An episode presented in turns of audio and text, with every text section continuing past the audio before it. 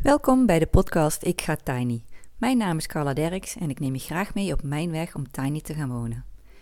Ik beantwoord in deze podcast de meest gestelde vragen die ik krijg, bespreek de obstakels die ik onderweg tegenkom en inspireer en motiveer graag jou om jouw dromen na te jagen. Wil je mijn verhaal volgen of zelf aan de slag? Abonneer je dan op mijn podcast en laat een review achter. Hallo allemaal, uh, het is eh, even stil geweest en uh, daar was ook een reden voor die eigenlijk wel goed aansluit bij het onderwerp van vandaag. Beren op de weg. Um, wat zijn er voor obstakels die je tegenkomt op je weg om tiny te gaan wonen? Want het is niet altijd even makkelijk. je zal obstakels tegenkomen. Sommige zijn fysiek en andere zijn mentaal. En, en welke zijn dit en hoe ga ik daarmee om? Dat is waar ik het vandaag met jullie over wil hebben. Ik, uh, als, je, als je aan een traject van tiny wonen begint, dan uh, in eerste instantie enthousiasme. Je hebt er zin in. Je gaat druk op zoek naar allerlei informatie. Uh, je gaat met een ontwerp aan de slag. Tenminste, dat was in mijn geval zo. Ik had de eerste tien ontwerpen lagen binnen een week al klaar. En, en ik begon ook al langzaam met ontspullen. eerste stapjes die je direct kan doen om, om te beginnen. maar wat als die weg nou lang gaat duren? Hoe hou je dat enthousiasme dan vast? En hoe dan ga je met die tegenslagen om. Uh, en tegenslagen zoals uh, het vinden van een locatie van je huisje. Waar vind je die en hoe vind je die? En soms ben je er heel druk mee bezig. En uh, dan valt de grond toch weer af. En hoe kun je je dan weer herpakken? Of het budget. Hè? lang niet iedereen heeft het geld op de plank liggen om een tiny house te kopen of te bouwen of te laten bouwen. Um, hoe kun je dan uh, de energie en inspiratie vinden om dit toch vast te houden, om ermee aan de slag te gaan? Of haak je gewoon af omdat je denkt, ja, dit is voor mij gewoon niet haalbaar, zo'n bedrag bij elkaar sparen. Laat me zitten, ik begin al niet meer. En dat is eigenlijk heel jammer als je wel in dat enthousiasme zit in die beginfase van, goh, ik ga dit doen. En dan deze dingen tegenkomen. En soms komen ze ook nog wel uh, uh, een keer opnieuw langs hoor. Dat je denkt van, nou, ik heb het getackeld en dan komt hetzelfde obstakel nog een keer langs. Nou ja, voor iedereen zijn die obstakels een beetje anders. Uh, de beren op de weg die je moet overwinnen. En voor mij was het in het begin met name de financiën. Dat is het grootste obstakel voor mij tot nu toe geweest. Want toen ik met mijn plannen startte om uh, tiny te gaan wonen, had ik letterlijk 0 euro op de rekening staan. En toch ben ik begonnen.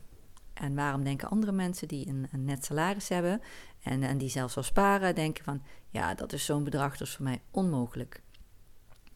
Uh, ja, ik ben er wel mee aan de slag gegaan. En wat is dan het verschil?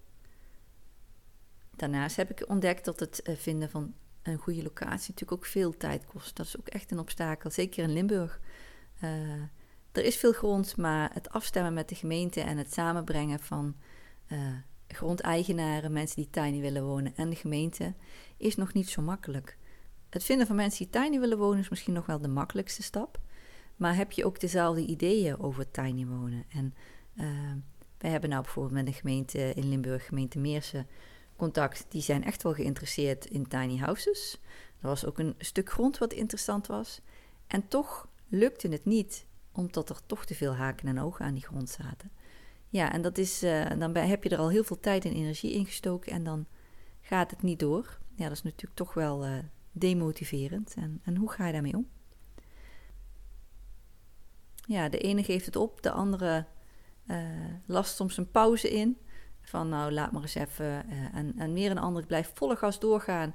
Maar raakt dan bijvoorbeeld weer teleurgesteld. Omdat het dan toch niet wil lukken. En haakt dan nog af. En dat is voor iedereen anders. Uh, iedereen heeft een andere manier hoe je erin staat. Een andere mindset. Want hoe denk jij over het obstakel wat voor je, voor je ligt? Zie je alleen een probleem? Denk je alleen in een oplossing? ja, is het glas half vol of is het half leeg? En gelukkig heb ik gemerkt uh, in mijn geval dat het glas uh, meestal half vol is. En uh, ja, hoe doe ik dat? ja, dat is natuurlijk een, ja, een vraag.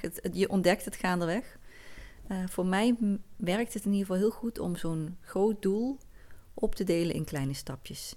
In haalbare stapjes met name. Want het idee dat een huisje 60.000 euro kost, is niet echt motiverend uh, als je nul op de rekening hebt staan. En het lijkt ook onhaalbaar. Uh, maar het idee dat ik elke maand iets wil sparen om een tiny house te kunnen uh, bekostigen, dat was mijn eerste stap. En hoe groot is dat bedrag dan? Ja, ik begon met 20 euro. 20 euro in de maand. En het lijkt, ja, 20 euro op een bedrag van 60.000 euro uh, lijkt natuurlijk, ja, alsof je net goed niet kan beginnen. Maar daar kun je dus wel in vergissen.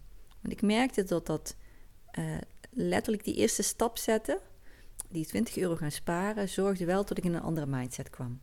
Ik was begonnen, ik had een doel en ik werkte eraan.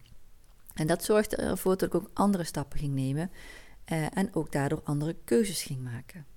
Want ga ik nou die kleren kopen of spaar ik dat geld voor mijn tiny house? Ga ik uh, dat abonnement op uh, Netflix en Spotify en welke kanalen hebben we nog meer? Ga ik die behouden? Heb ik die echt nodig? Of kies ik ervoor om gewoon weer eens naar de radio te luisteren? Bespaar ik weer al die tientjes die bij elkaar toch weer meerdere tientjes zijn? En leg ik die bij mijn tiny house potje, waardoor ik opeens maandelijks niet 20 euro kan sparen, maar 50 of 80 euro kan sparen.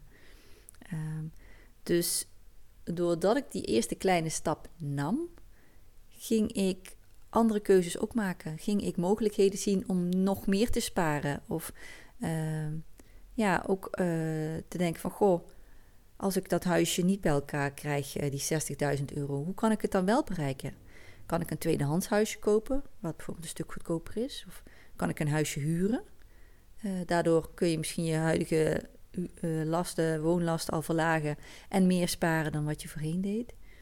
Of uh, ik heb ook al zitten denken, ga ik niet een houtbewerkingscursus volgen, zodat ik dadelijk uh, zelf mijn huisje kan bouwen? Want dan spaar ik ook weer veel geld uit. Ik investeer misschien wel in die cursus, maar het zorgt er wel voor dat ik op andere plaatsen weer geld kan gaan besparen. Dus um, ja, in verhouding lagen die 20 euro niet in verhouding tot het eindbedrag, maar het heeft heel veel in werking gezet. En dat is denk ik wat ik je graag wil meegeven. Laat je niet tegenhouden door uh, het grote obstakel wat je ziet. En ook al is het de eerste stap die je maakt, maar een hele kleine, dat mag. Het brengt namelijk zoveel andere dingen in werking.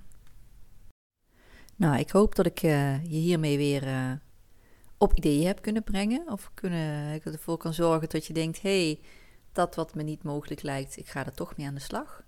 Of ook al vind je geen locatie in de buurt, ga toch eens kijken.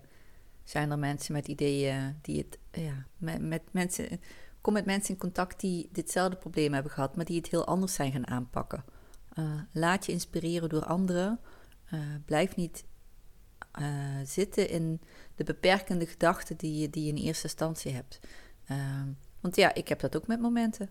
Um, bijvoorbeeld zoals deze podcast. Dat, bij voorkeur doe je dat elke maand op een vast tijdstip. Maar ja, afgelopen maanden had ik er even geen ruimte voor. Ik was net bezig met een nieuwe job. Kost veel energie. wat andere privézaken die langskomen. En dan is het heel makkelijk om te zeggen, weet je, laat me zitten. Mijn kans is verkeken. Ik heb mijn ritme onderbroken. Niemand gaat nog luisteren. Maar van de andere kant denk ik dat er nog altijd uh, mensen zijn die uh, op zoek zijn naar informatie over tiny wonen.